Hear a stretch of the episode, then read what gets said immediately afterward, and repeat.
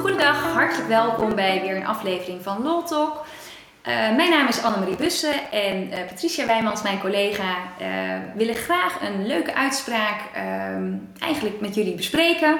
Waarbij we het eens willen hebben over het, het, ja, het botsen van, van grondrechten, of in ieder geval ehm, wat kun je nu als werknemer maken? Wat mag je zeggen? Heb je een vrijbrief? Want we hebben nou helemaal de vrijheid van meningsuiting. Of kan het toch zo zijn dat een werkgever daar grenzen aan mag stellen? Uh, Patricia, we hebben recent de uitspraak gezien van uh, een werknemster die op LinkedIn van alles aan het posten was geweest. Ja. En um, kijk, wat, wat daar heel erg opvalt is dat um, de rechter eigenlijk het van twee kanten gaat bekijken. Echt vanuit de kant van de werknemer en vanuit de kant van de werkgever. Ja. En uh, misschien is, zal, ik, ik heel even kort... Precies, de... en ik denk dat het vooral interessant is inderdaad. En waar zit nou precies die grens? Hè? Want dat was uiteindelijk aan de, aan de rechter om te beoordelen. Hè? Tot, tot waar mag een werknemer nog nou ja, iets, iets zeggen, hè, zijn, zijn vrije mening geven, maar waar gaat, waar, waar, waar overschrijdt hij nou precies die grens? En dat, dat kwam heel mooi in deze uitspraak naar voren. Ja. Misschien kun je er iets over vertellen. Dat zal ik doen. Kijk, wat wel denk ik ook echt wel meeweegt. Um, er was sprake van een, een werknemster met een staffunctie in een zorginstelling.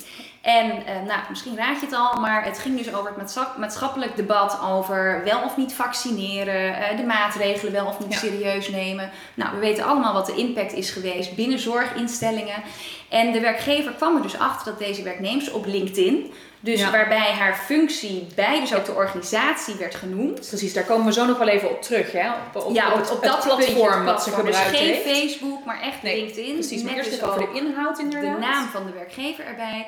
Waarbij eigenlijk heel kort samengevat door deze werknemster uh, werd meegedaan aan het maatschappelijk debat. Ja. Alleen ook echt wel in bewoordingen als um, hè, als je bijvoorbeeld uh, meedeed aan het verplicht vaccin, of niet verplicht vaccineren, aan het vaccinatiebeleid en aan alle maatregelen.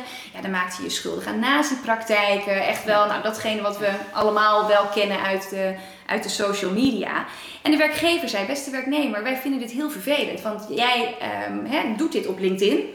Daar zitten ook klantcontacten die dus misschien wel denken dat onze organisatie dezelfde mening is toegedaan. Ja, en zij profileert zich op LinkedIn natuurlijk ook als medewerker van die organisatie. Ja, dus het verzoek was: alsjeblieft, stop ermee. Stop met ja. het posten of met het delen van dit soort berichten.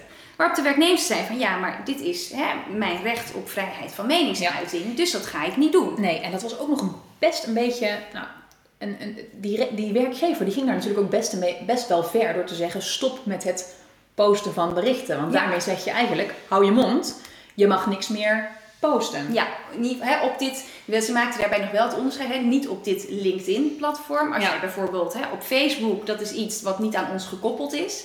Nou, dan zie je dat er wat gesprekken komen, dus zelfs mediation. En partijen komen er gewoon niet uit. Ze staan echt recht tegenover elkaar. En dan zegt de werkgever, nou dan gaan wij een ontbindingsverzoek indienen. En uh, ga maar naar huis in afwachting van die procedure. Ja. Ja. De werknemer zegt, ja daar ben ik het niet mee eens. Dus in kort geding vordert de werknemster te werkstelling. En de kantonrechter gaat daarin mee. Die ja. zegt, hè, nu voor, voor deze periode, dus voor die ontbindingszaak, dat is, een andere, hè, dat is de andere Precies. kantonrechter. Maar voor nu, omdat mevrouw eigenlijk op zitting had gezegd, nou ja, als het dan echt om die toonzetting gaat, daar wil ik nog wel eens kritisch doorheen gaan. Ja. Om te kijken wat ik dan moet verwijderen. Kijk, ik wil niet dat mij verboden wordt dat ik niks mag plaatsen, maar ik wil best wel dan naar die toonzetting kijken. Want als jullie zeggen dat dat voor collega's beschadigend is, Ja. of die voelen zich daardoor gegriefd. Dus de rechter zegt, u mag weer aan het werk.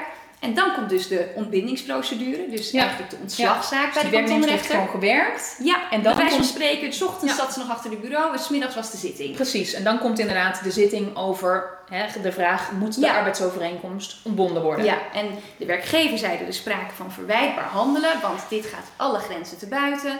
En de werknemer zei van nee hoor, ik kan gewoon blijven werken, maar als er wordt ontbonden, dan vind ik dat de werkgever mij ten onrechte de mond heeft willen snoeren en dat Ja. is een billijke vergoeding Ja. waard. Ja. En wat je dan ziet is dat de kantonrechter zegt, ja werknemer, u heeft een recht op vrijheid van meningsuiting. Het staat als een paal boven water. Ja. Maar daar zitten wel grenzen aan. En Ja. die grens is onder Ja. andere het goed werknemerschap.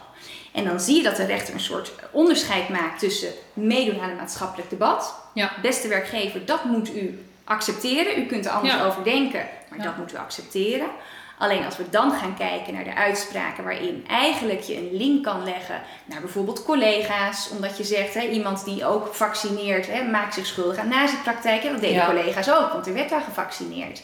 En daarvan zegt de rechter, ja, dat gaat te ver, dan ga je Ja. een grens over. Ja. En dat vind ik zelfs verwijtbaar handelen. Dus ik ga wel die arbeidsovereenkomst ga ik ontbinden. Ja. En ik ken geen billijke vergoeding toe, want nee, werkgever, u mag niet zomaar hè, zeggen je mag niks meer posten. Ja. Maar het ging om de toonzetting en die bedoeling had u moeten begrijpen, beste werknemers. U bent hoog opgeleid, u Ja. weet hoe het maatschappelijk debat gevoerd Ja, kan precies. worden. Dus had u dan aan hè, op die manier ook eh, daarin Ja. ehm, ja, op, op, een, nou ja, op een maatschappelijke verantwoorde manier had Ja. u dat kunnen doen. Ja. ja, want het lijkt erop dat daar de rechter, de werkgever hier ook een, wel een beetje helpt. Hè? Want de werkgever Ja. had natuurlijk wel vrij ongenuanceerd gezegd. Je mag, je, je mag niks meer posten, wel met de nuance niet op LinkedIn.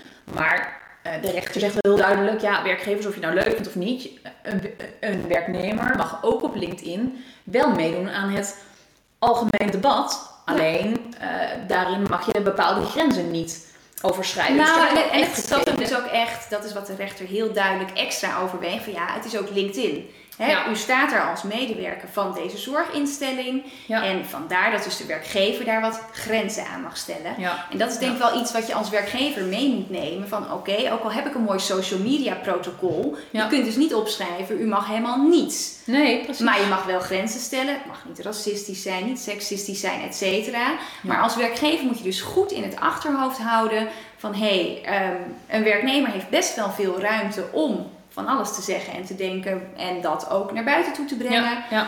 Maar ook als goed werknemer moet je wel hè, eh, nadenken over wat je zegt. Kan dat mijn Ja, collega's of de organisatie beschadigen? Hey, en denk jij, zou deze uitspraak nou heel anders zijn geweest als deze medewerker had gezegd: Oké, dan, dan post ik het niet meer op LinkedIn, maar ik ga over naar Facebook? Ik kan me goed voorstellen dat het dan anders was uitgepakt. En, en dat is ook wel wat ook de werkgever in de eerste officiële waarschuwing ook schrijft. Kijk, als je dit nou had gedaan in een privéomgeving op Facebook, dan was Ja. het anders geweest. Ja. Dus eigenlijk had de werkgever dat zelf al weggegeven. Ja. Ehm, en je ziet dus ook dat de rechter zoveel waarde hecht aan die koppeling aan de werkgever. Hè? Dat de werkgever zegt, ja, misschien zijn er nu wel cliënten die denken dat wij ook zo over de pandemie of het vaccinatiebeleid denken. Dus ik denk dat dat echt nog wel een verschil had kunnen maken. Ja. Ja, dat denk ik, eh, dat denk ik ook inderdaad. Dank eh, Annemarie voor jouw eh, bijdrage weer vandaag. Wij nou, danken jullie weer voor het luisteren en het kijken. En tot de volgende Law Talk. Tot dan!